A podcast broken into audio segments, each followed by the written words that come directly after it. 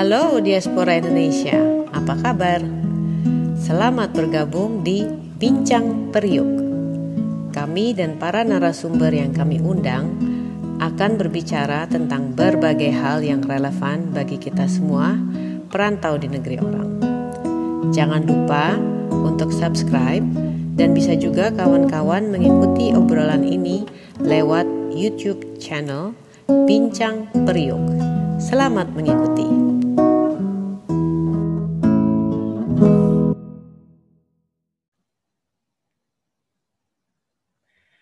Selamat datang di Bincang Periuk. Saya Enggi Holt di episode 1 tentang diaspora dan dwi kewarganegaraan. Bersama saya adalah chairperson dari working group uh, imigra keimigrasian dan kewarganegaraan IDN Global, Bapak Hermansyah. Selamat pagi Pak Hermansyah, apa kabar? Kabar baik, selamat pagi Bu Enggi. Semoga kabar baik juga dengan Bu Enggi. Ya, Alhamdulillah Pak, baik-baik saja. Kita ketemu lagi ya dulu. Iya tahun berapa ya kita ketemu tuh kita di Belanda waktu itu? Empat tahun yang lalu barangkali ya. Iya. Iya, iya, iya. Iya begini Pak, uh, Bincang Periuk ini uh, adalah program IDN UK Periuk uh, untuk memberikan informasi-informasi yang berkaitan dengan diaspora. Dan salah satu uh, apa namanya ikatan diaspora Indonesia di seluruh dunia adalah keinginan untuk memperoleh duit keluarga negaraan. Dan Bapak sebagai chairperson, kira-kira dalam uh, kesempatan ini bisakah menceritakan uh, latar belakang terbentuknya working group ini, Pak? Silahkan. Oke. Okay. Jadi Bu Enggi, Working Group Imigrasi dan Kewarganegaraan ini eh, sebetulnya tidak tiba-tiba saja berdiri karena kalau kita lihat dari sejak eh, Kongres Diaspora Indonesia yang pertama tahun 2012 di Los Angeles itu sesudah kongres itu terbentuk yang namanya Task Force Imigrasi dan Kewarganegaraan IDN Global. Nah, pada saat itu eh, koordinatornya adalah diaspora yang bernama Indah Morgan. Nah, Kemudian berjalan dengan waktu, eh, task force ini sudah berhasil eh, mengangkat masalah di keluarga negaraan ini menjadi eh, topik untuk didiskusikan, didiseminarkan oleh beberapa, kalau tidak salah ada enam universitas di Indonesia. Nah ini adalah salah satu pekerjaan besar yang berhasil dilakukan oleh task force ini dulu. Tetapi berjalan dengan waktu, akhirnya ada terjadi problematik internal, kemudian di tubuh IDN sendiri terjadi ada um, uh, juga masalah internal. Akhirnya uh, Task Force Imigrasi dan Kewarganegaraan ini seperti hilang, lenyap. Nah, pada saat uh, Pak Gerald Eman menjadi presiden IDN Global itu tahun 2017-2019, nah saya mencoba menghidupkan lagi task force ini. Pada saat itu juga saya mendapat dukungan dari Pak Gerald untuk menghidupkan task force ini sehingga pada saat itu juga ada task force imigrasi dan kewarganegaraan IDN global. Tetapi karena kesulitan-kesulitan yang dihadapi oleh anggotanya, karena kita ini semuanya kan volunteers ya, Bu hmm. Sulit sekali untuk menyediakan waktu untuk membahas masalah yang tidak kecil ya, masalah di kewarganegaraan ini tidak sepele. Akhirnya kita tidak menghasilkan apa-apa, baru pada saat uh, Pak Said menjadi presiden IDN Global yang sekarang, tahun 2019-2021, kita bisa mencoba menghasilkan sesuatu, uh, anggotanya bisa lebih committed, tetapi namanya bukan Task Force Imigrasi Kewarganegaraan lagi, tapi Working Group Immigration and Kewarganegaraan. Begitu ceritanya. Oke, okay, oke. Okay. Menarik sekali Pak. Jadi um, apa fokus dan prioritas working group ini untuk saat ya. ini? Ah, jadi kalau uh, kita lihat dari judulnya imigrasi dan kewarganegaraan itu tidak lepas dari usaha-usaha yang telah kita bangun sejak tahun 2012 dulu, ya. yaitu ingin uh, mengadvokasi kepentingan-kepentingan diaspora dalam hal-hal yang terkait dengan keimigrasian dan kewarganegaraan. Jadi kita ingin uh, menyuarakan uh, kebutuhan-kebutuhan dan harapan-harapan diaspora kepada pemerintah Indonesia uh, akan kemudahan-kemudahan imigrasi apa saja yang diharapkan oleh diaspora Indonesia, terutama kalau masalah kemudahan imigrasi adalah diaspora yang warga negara asing, dan masalah-masalah atau harapan-harapan apa saja yang diaspora inginkan perihal keluarga negaraannya Nah, ini kebanyakan adalah untuk yang warga negara Indonesia yang uh, ingin memiliki keluarga negara ganda. Nah, inilah kita mencoba mengadvokasi harapan-harapan diaspora ini kepada pemerintah Indonesia. Itulah tugas pokoknya, Bu Enggi kira-kira. Oke, okay. jadi uh, skop skop dari working group ini cukup luas ya Pak ya, karena stakeholdersnya ada dua macam. Yang satu ya. WNI masih pemegang paspor Indonesia ya. dan uh, eh, ex WNI yang sudah uh, karena satu dan, dan lain hal berpindah ke warga negaraan ya Pak dan tentunya dua kelompok ini memiliki kepentingan yang berbeda ya Pak ya. Mm-hmm. Misalnya kalau yang ex WNI kepentingannya adalah bagaimana cara mereka mudah untuk kembali ke Indonesia atau pulang pergi. Dan yang untuk WNI-nya sendiri pemegang paspor, masalahnya adalah mobilitas kita di luar negeri. Ya. Karena sebagai pemegang paspor WNI itu eh, seperti saya agak menemui kesulitan jika ingin memaju, mengajukan visa misalnya ke Schengen. Bukan sulit Betul. dalam arti akan ditolak enggak, tapi uh, apa namanya jangka untuk mengurusnya itu memakan waktu. Betul. Nah, untuk uh, ini dari sisi keimigrasian aja ya Pak ya. Jadi untuk uh, working group ini eh, apakah sudah ada langkah-langkah sekiranya untuk melihat apa kira-kira yang bisa baik dari diaspora sendiri melalui working group maupun dari pemerintah untuk mengatasi masalah ini, Pak? Apakah sudah ada pembicaraan ke situ? Iya, sebetulnya pembicaraan sudah lama ya dilakukan oleh pendahulu-pendahulu kami dan juga sekarang kita coba lanjutkan Bahkan tahun 2017 yang lalu sudah dikeluarkan yang namanya Kemilen, Kartu Masyarakat Indonesia Luar Negeri, yang baru saja Bu Enggi juga ikut ya, ya, ya, ya. berpartisipasi dalam uh, dialog interaksi kita online. Tetapi Kemilen ini berdasarkan telaah yang kami lakukan di working group, ternyata tidak memenuhi harapan diaspora. Singkatnya begitu. Hmm.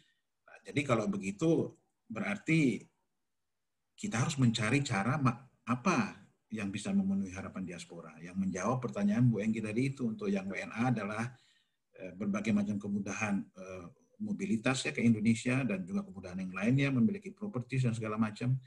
Sementara yang WNI adalah kemudahan mobilitas juga karena seperti tadi contohnya untuk mengapply visa untuk ke Amerika ke negara-negara lain dengan paspor eh, Indonesia sulit sekali. Nah, itu produk apa yang bisa diberikan oleh pemerintah Indonesia? Nah ini tentu eh, setelah kami mengeluarkan laporan kami mengenai eh, KMLN itu, diharapkan kita bisa melakukan dialog lebih panjang lagi, eh, kita bisa menemukan eh, mudah-mudahan produk yang lebih baik atau bukan lebih baik, tapi memperbaiki kemilen yang sekarang menurut hemat kami tidak memenuhi harapan diaspora, syukur-syukur ada celah untuk memperjuangkan goal yang terakhir kata istilahnya yang terakhir adalah duit keluarga negaraan. Karena kalau duit keluarga negaraan ini tercapai, itu memecahkan seluruh persoalan yang tadi Bu Enggi katakan, masalah keimigrasian, masalah mobilitas itu terpecahkan. Dan eh, juga eh, jangan sampai timbul kekhawatiran di kalangan tadi Bu Enggi mengatakan bahwa yang baik yang WNA maupun yang WNI tentu mempunyai motivasi Eh, berbeda-beda. Hmm.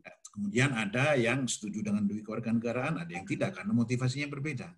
Tetapi konstruksi duit kewarganegaraan yang ingin kita usulkan kepada pemerintah adalah situasi di mana setiap warga negara Indonesia itu hanya bisa melepaskan atau hanya bisa lepas dari kewarganegaraan Indonesia-nya kalau dia sendiri yang menginginkan. atau kalau dia melakukan pelanggaran hukum yang berat sehingga pemerintah terpaksa harus mencabut kewarganegaraannya. Tapi kalau misalkan si yang bersangkutan eh, tidak menginginkan, tidak lepas. Sehingga berarti teman-teman yang tidak mau negaraan, ya dia bisa melepaskan kewarganegaraan Indonesia-nya bebas. Jadi tidak diwajibkan, oh nanti saya punya dua kewarganegaraan dong. Enggak, kita tidak mengusulkannya semacam itu. Hmm. Jadi itulah Bu Enggi, eh, kita mencoba setelah laporan tentang kemilan ini yang hasilnya semacam tadi saya sebutkan itu, kita berharap kita bisa membuat terobosan-terobosan yang lebih cepat di masa-masa yang akan datang. Syukur-syukur bisa lebih direct ke dui keluarga negaraan. Iya, iya, memang memang uh, konsep dui keluarga negaraan ini sangat pelik ya Pak ya, karena hmm. pertama itu tadi stakeholdernya saja kepentingannya berbeda, kemudian uh, di pemerintahan Indonesia dan legislatif di Indonesia juga melihatnya ini dari kacamata yang berbeda gitu kan ya Pak ya. Hmm. Jadi memang kira-kira um, Pak kalau dari begitu banyak begitu banyak uh, uh, permasalahan dalam pengajuan konsep di keluarga negara ini, kira-kira apa hambatan yang paling utama dari working group ini supaya bisa uh, apa namanya konsep ini lebih progresif ke arah uh, dari sekedar wacana menjadi pembahasan di tingkat yang lebih tinggi.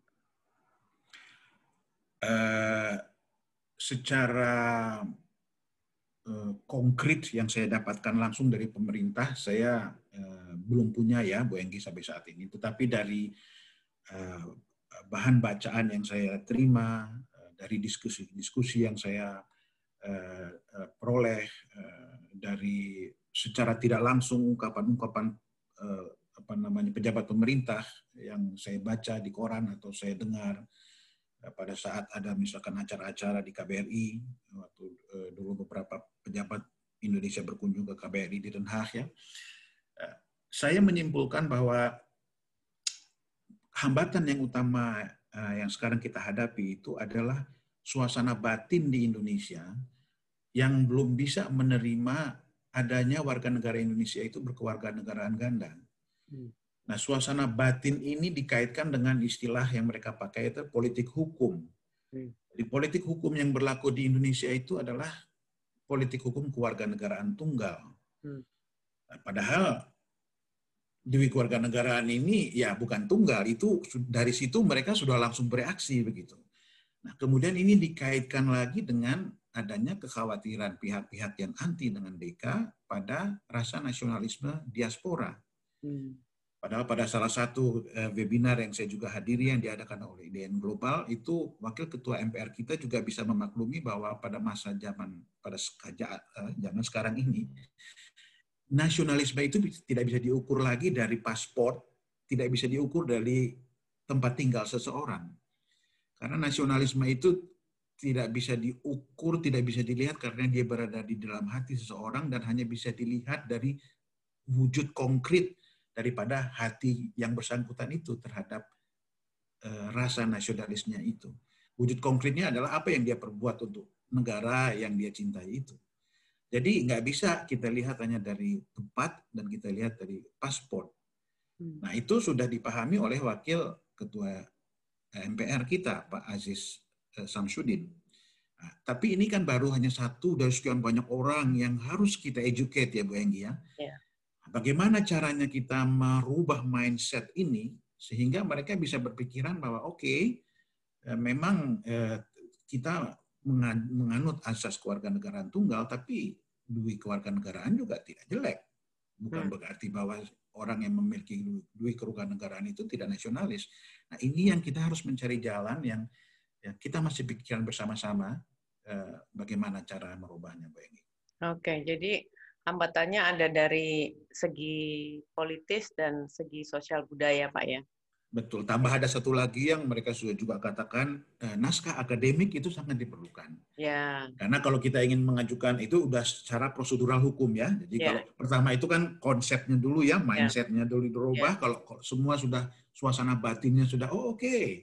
Baru kita bertahap lebih lanjut bagaimana kita merealisasikan konsep ini. Nah, itulah baru kita mengikuti prosedur hukum yang ya. salah satunya adalah naskah akademik. Nah, naskah akademik ini juga problem besar lagi yang akan harus kita hadapi. Tapi that's the way who is ya. Kita coba jalani satu persatu. Iya.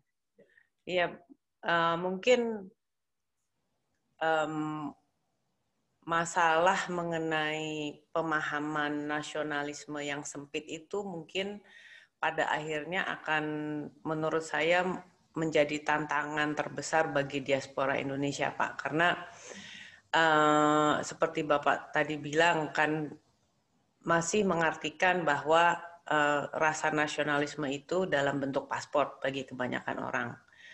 Dan uh, apa namanya uh, kehadiran dirinya di tanah air itu masih penting.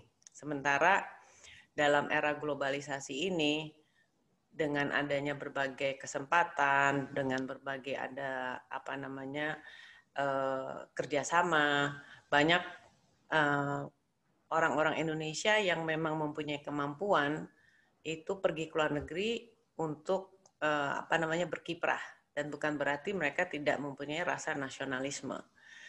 Nah ini yang mungkin kita harus sebagai diaspora kerjakan secara paralel dengan Eh, teman-teman uh, yang memang sedang membuat konsep keluarga negaraan ini yang cukup pelik gitu Pak ya. Mm-hmm. Karena ini karena ini harus kerja kerja berbarengan ini nggak bisa mm. working group saja yang kerja nanti yang lain menunggu gitu kan ya Pak ya. Betul betul. jadi harus bersama-sama. Betul, iya, betul. Jadi ya. harus istilahnya kita pelurunya tuh harus komplit gitu loh Pak ya kan. Karena kalau tidak nanti misalnya nih uh, apa namanya naskah akademis kita siap terus mau dibahas di DPR dan pemerintah antara pemerintah dan DPR. Tapi pada akhirnya kan juga harus masuk ke ranah wacana publik. Mm-hmm. Dan di, raca, di ranah wacana publik ini yang tidak bisa terkontrol kalau kita tidak dari sekarang melihat gimana nih strateginya gitu kali ya Pak ya. Iya. Ya, ya jadi ya memang sulit tapi tantangan yang menarik, Pak.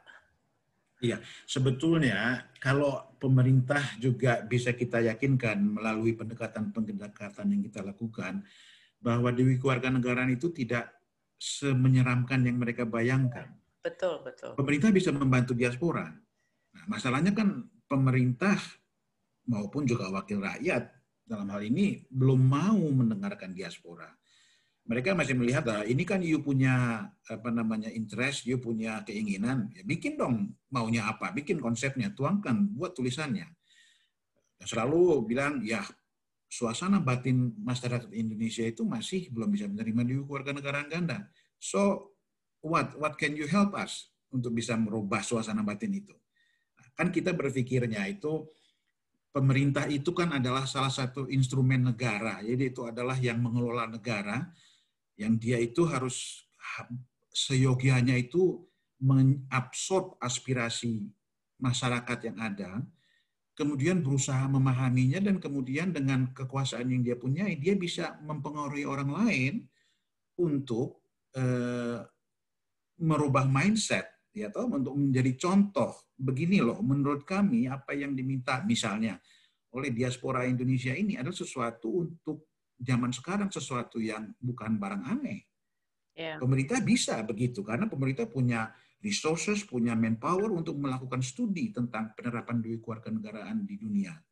Pemerintah bisa melakukan itu, punya dana.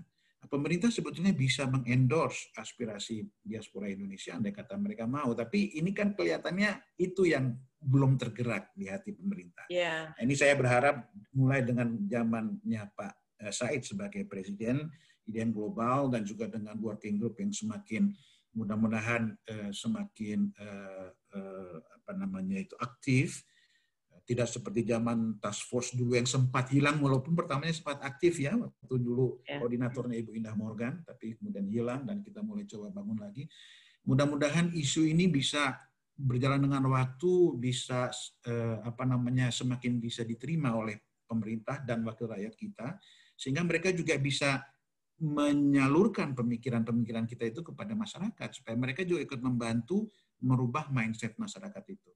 Jadi yeah. ini tantangannya adalah bukan hanya kita saja, Bu Enggi, tantangan diaspora untuk membuktikan kita ini jangan dikira tidak nasionalis, jangan dilihat yeah. dari hanya tempat dan dari paspor, tapi juga goodwill daripada pemerintah dan yeah. wakil rakyat yang sebetulnya yeah. adalah panutan masyarakat kita juga.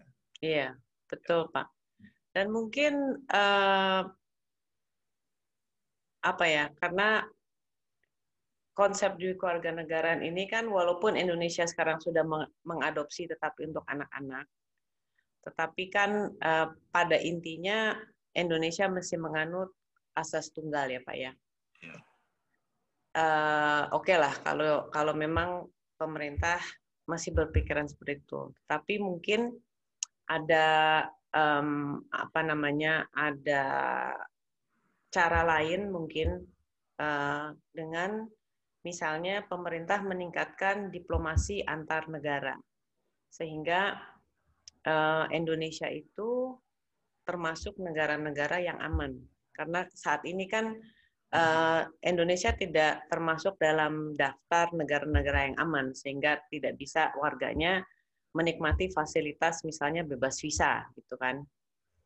Uh, apakah ini uh, suatu opsi Pak untuk misalnya memang jangka panjangnya ke DK, tetapi opsi di antaranya itu adalah ya bukan mendorong ya, mungkin um, memberikan semacam pandangan kepada pemerintah Indonesia bahwa WNI yang tinggal di luar negeri itu mobilitasnya agak terhambat. Apakah mereka itu sebagai uh, student, peneliti atau pekerja profesional yang mereka pada akhirnya tidak bisa uh, memenuhi hak dasarnya untuk bekerja, untuk mencari nafkah, untuk mencari ilmu pengetahuan sesuai dengan uh, hak asasinya dia yang tercantum dalam Undang-Undang Dasar. Artinya dalam hal ini ada kewajiban-kewajiban pemerintah yang tidak bisa dipenuhi kepada warga negaranya. Nah, mungkin apakah menurut Pak Herman saya ini bisa dijadikan sebagai peluang Pak untuk masuk ke dalam uh, posisi itu, sehingga dengan uh, diaspora masuknya secara bertahap, pada akhirnya duit keluarga negaraan akan sampai gitu Pak. Karena kalau misalnya mungkin kalau kita langsung duit keluarga negaraan, pemerintah juga sense of urgency-nya apa gitu kan. Tetapi kalau misalnya kita bilang enggak Pak, ini visa kita perlu mobil mobile dan mungkin dengan bebas visa misalnya orang Indonesia bebas visa ke Belanda. Pasti turisme di Belanda akan meningkat misalnya atau bebas visa ke UK pasti pasti akan meningkat dan itu kan harus bilateral agreement gitu ya. Uh, dan itu memang benar-benar di ranah pemerintah sehingga mungkin akan lebih memudahkan kita untuk bukan memudahkan ya tapi lebih menurut pandangan saya lebih visible gitu. Menurut Pak Herman saya bagaimana Pak kalau dengan cara seperti ini? Iya, jadi eh, kalau kita melihat produk antara ya menuju duit keluarga negaraan itu sebenarnya pemerintah sendiri atas usaha Kemlu kita mesti memberikan apresiasi juga sebetulnya kepada Kementerian Luar Negeri telah berusaha menerbitkan kemilen itu kartu ya. masyarakat Indonesia luar negeri tetapi ya masih belum sempurna itu tadi maka saran Ibu Enggi tadi bisa kita masukkan andai kata memang eh, peraturan tentang kemilen kemilen ini saja ngomong kemilen susah, susah. susah.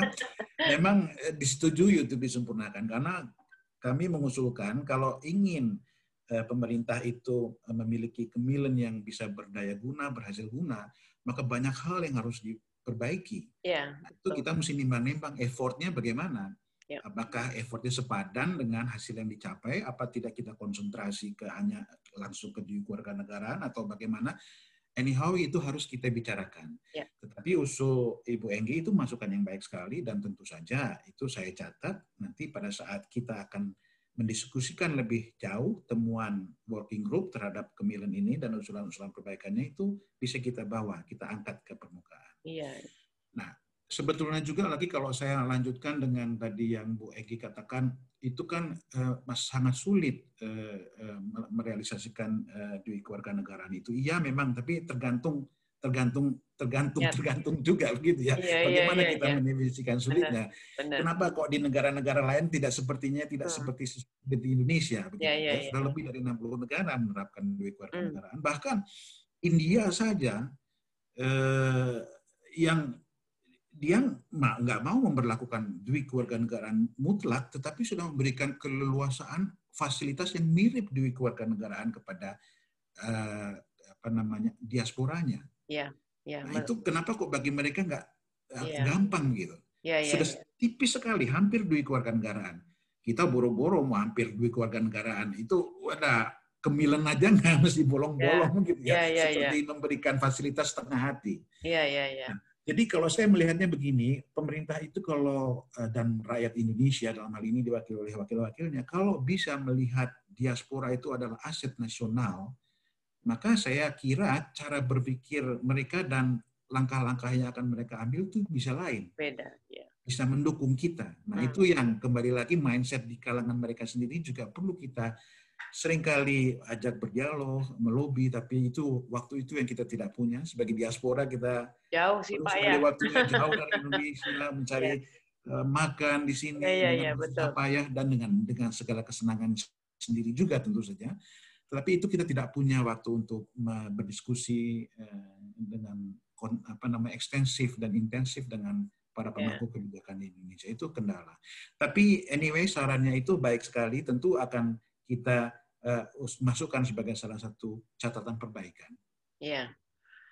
Oke okay, Pak Hermansyah di penghujung uh, interview ini, yeah. apa ada pesan-pesan Bapak untuk uh, diaspora Indonesia? Silahkan Pak. Oke. Uh, teman-teman, saudara-saudaraku sekalian diaspora Indonesia di seluruh dunia yang saya hormati dan saya cintai, kita semuanya mengerti bahwa diaspora itu adalah sekelompok masyarakat yang tidak bisa melupakan negara asal-usulnya. Itulah makanya kenapa disebut diaspora jadi di samping mereka tidak bisa melepaskan negara asal-usulnya, mereka pun juga secara fisik mencerminkan warga atau rakyat dari negara asal-usulnya. Dan itu juga mempererat atau meningkatkan rasa eh, keterikatannya dengan asal-usulnya. Eh, ini menunjukkan betapa bahwa kita sebagai diaspora itu menyayangi atau mencintai negeri asal-usul kita atau negeri leluhur kita. Dan pesan saya teruslah eh, apa namanya itu pupuk itu, rawat itu. Kita perlu menunjukkan kepada semua pihak di Indonesia yang kita anggap adalah saudara dan dan sebangsa ya dengan kita sendiri bahwa sekalipun kita jauh di mata tapi kita dekat di hati. Bahwa sekalipun kita kelihatannya menurut orang-orang tidak punya rasa nasionalis, kita meninggalkan Indonesia, tapi dengan kita keluar negeri ini dan tetap masih merasa terikat dengan Indonesia dan mencintai dengan Indonesia, itu adalah wujud daripada rasa nasionalisme kita. Apalagi kalau kita bisa uh, mendapat kesempatan dan mendapat kemurahan hati untuk memberikan kontribusi yang lebih nyata untuk Indonesia. Apakah itu Eh, membantu eh, apa namanya orang yang kekurangan dan saya juga mengerti banyak sekali diaspora Indonesia yang sudah membantu keluarganya itu saja kita perlu acukan jempol. Bukankah apa namanya bukan diaspora istilahnya tapi dikatakan TKI itu adalah pahlawan devisa. Nah, TKI itu kan bagian daripada diaspora. Diaspora kita tidak tahu berapa yang dia kirim berapa yang dia bawa ke Indonesia. Itu kalau kita akumulasi itu juga bukan jumlahnya kecil. Jadi tetap lakukanlah itu, kita tunjukkan bahwa sekalipun kita jauh di mata, kita tetap dekat di hati dan kita tetap ingin berkontribusi untuk kebaikan Indonesia.